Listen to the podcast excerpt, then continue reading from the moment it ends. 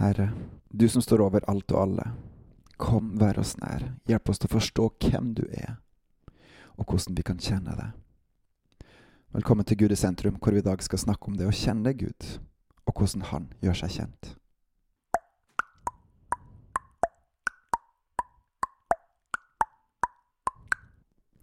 Del 1.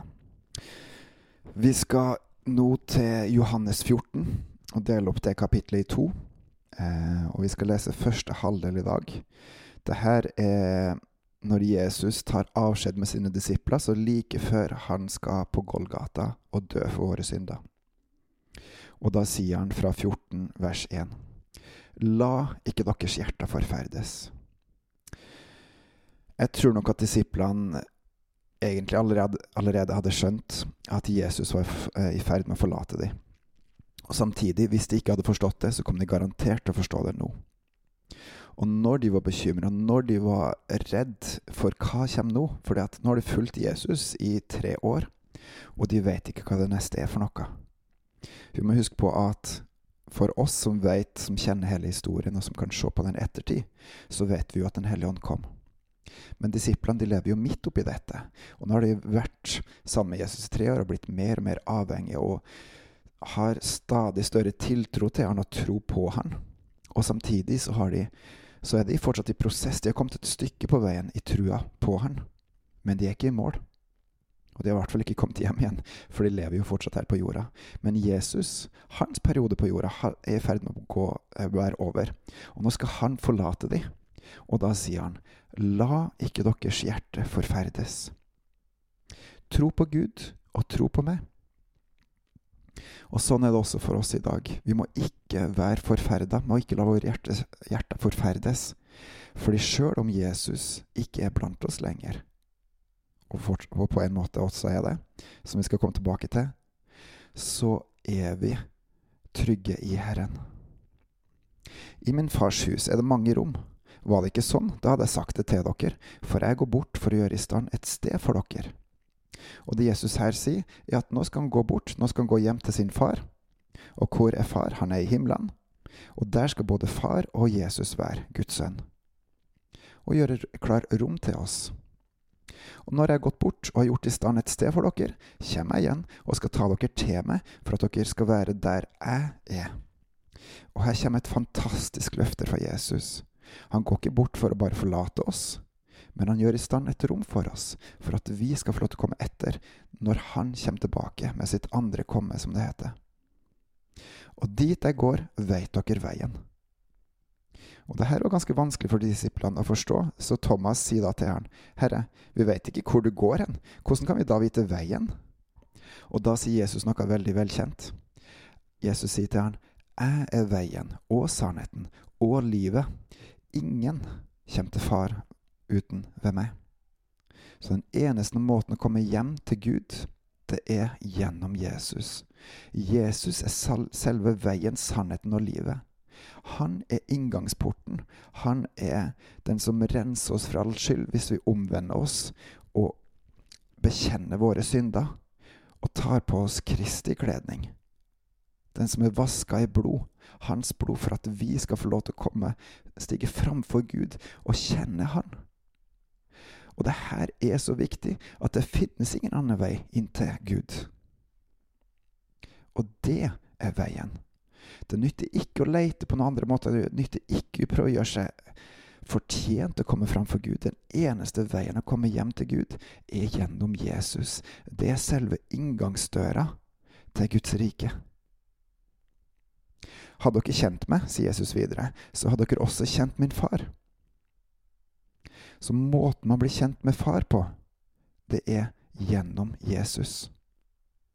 Og fra nå av kjenner dere han og har sett han. Det var vanskelig.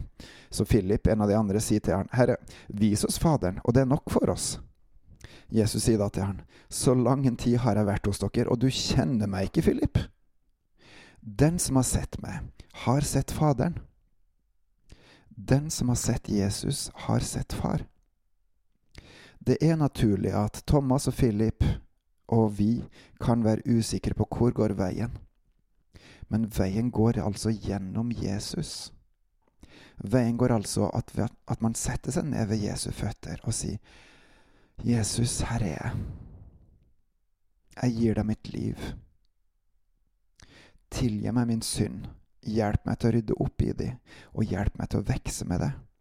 Jeg vil leve for deg. Tilgi meg, Jesus, du, Jesus, du er konge, du er herre. Jeg gir mitt liv til deg. Den som har sett meg, har sett Faderen. Hvordan kan du da si 'vis oss Faderen'? Tror du ikke at jeg er i Faderen, og Faderen i meg? De ord jeg taler, taler jeg ikke av meg sjøl, men Faderen, som blir i meg, han gjør sine gjerninger. Og det her er en litt sånn rar greie, fordi her sier Jesus at det han gjør, det gjør han ikke av seg sjøl, men det er far, Gud far, som er i han, som gjør sine gjerninger. Og den her får fram, i hvert fall indirekte, at samtidig som Gud er én, så er han tre. Og de har ulike funksjoner. Mennesket også er jo tre. Vi er jo kropp, sjel og ånd, som de fleste bibelforfatterne sier. Kroppen, den fysiske ånd, er den som vi kan relatere oss til andre ånder med. Andre menneskeånder, onde ånder eller Guds ånd for å bli kjent med hverandre. Og så sjelen er det som man med menneskelig ord bruker å si er tanke, vilje og følelser. Ting som foregår inni en, kan man gjerne si. Og så er vi her at Jesus han taler ikke av seg sjøl, men av far, som er i han, og som gjør sine gjerninger. Et relevant eksempel er jo Jesus veit ikke når hans andre kommer. Jesus veit ikke tidspunktet for når han skal komme igjen. Heller ikke en hellig ånd. Men far gjør det. Og som vi snart skal komme tilbake til, Jesus går jo opp til himmelen og setter seg ved Guds fars den høyre hånd. Og han er der. Og hvem er det da som er blant oss? Hvem er det som virker i oss? Tro meg at jeg er Faderen, og Faderen i meg. Om ikke for annet, så tro det for selve gjerningens skyld. Sannelig, sannelig, sier jeg dere. Og når jeg sier sannelig, sannelig, da er det ekstra viktig. Den som tror på meg, han skal også gjøre de gjerninger jeg gjør. Og han skal gjøre større gjerninger enn disse, for jeg går til min far. Og her er en av mine bekymringer og samtidig håp for framtida. Fordi de som tror på Jesus, den som tror på Jesus, han skal gjøre de gjerninger som Jesus har gjort. Og til og med større gjerninger. Fordi nå har Jesus dratt opp til himmelen. Hvor mye ser vi av dette rundt oss blant de troende i dag? Jeg fryder meg over når jeg hører om det. Jeg, jeg, merker av og til at jeg har en sånn skepsis. Er dette virkelig sant? Kan dette virkelig være sant at noen har blitt bedt fri for visse typer sykdommer? Både psykiske og fysiske, og relasjonelle. Og samtidig så vet jeg at den Gud som jeg tror på, han er så sterk at han kan gjøre hva som helst. Og jeg vet at den gjør sånne ting. Og jeg fryder og gleder meg over de som har blitt satt fri. Enten her på jorda, og aller mest over de som har kommet til tro på han, eller som har fått rydda opp synd slik at de vokser til liv med han. At de går fra å være tradisjonskristen til å bli en, en som kjenner Gud, og som lever med han. Fordi det står jo her at den som tror på meg, han skal gjøre de gjerninga jeg gjør. Og det må jo bety at vi som tror, vi skal gjøre de samme gjerningene. Hvor sprøtt det enn høres ut.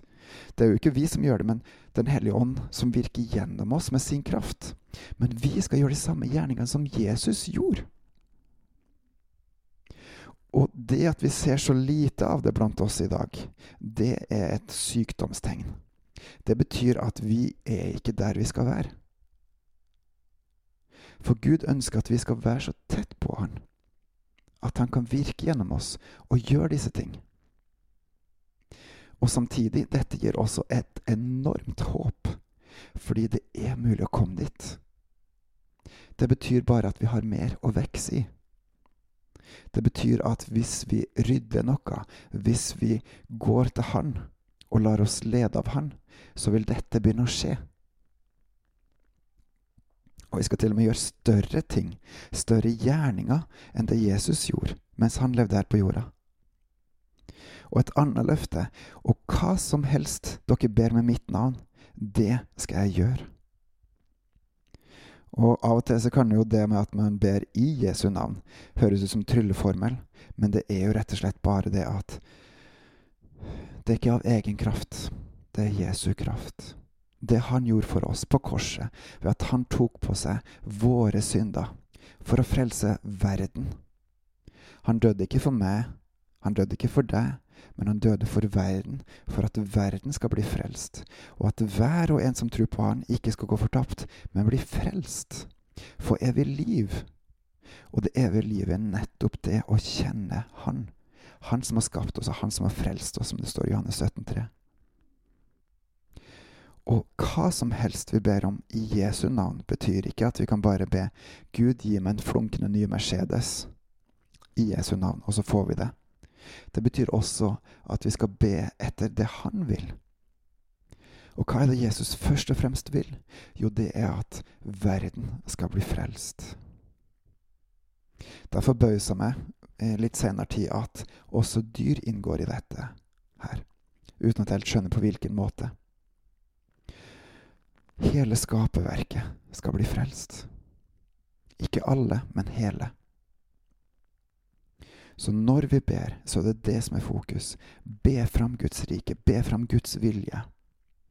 Be fram at Gud skal, Gud skal virke blant oss, og at Hans navn skal bli holdt hellig, og at Hans vilje skal skje på jorda som i himmelen.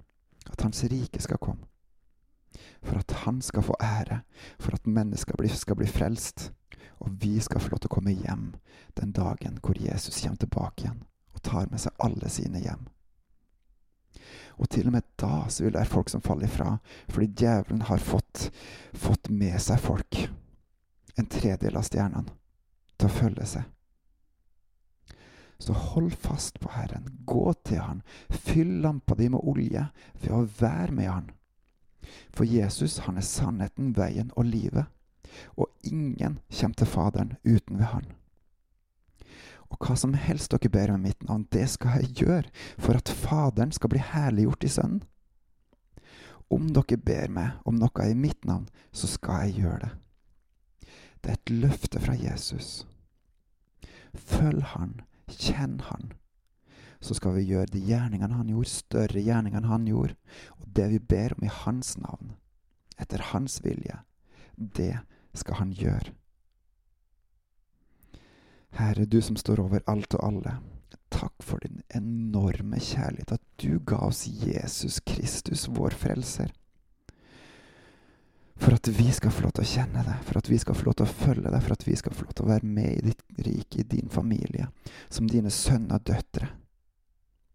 Og takk, Jesus, for at du døde på korset for oss, at du tok på oss vår synd og skyld og skam, for at vi skal bli renska rein i deg i ditt blod til evig liv, til å kjenne deg, til å følge deg, til å være med å gjøre de gjerningene du gjør, og større gjerninger, og at du har gitt oss et løfte.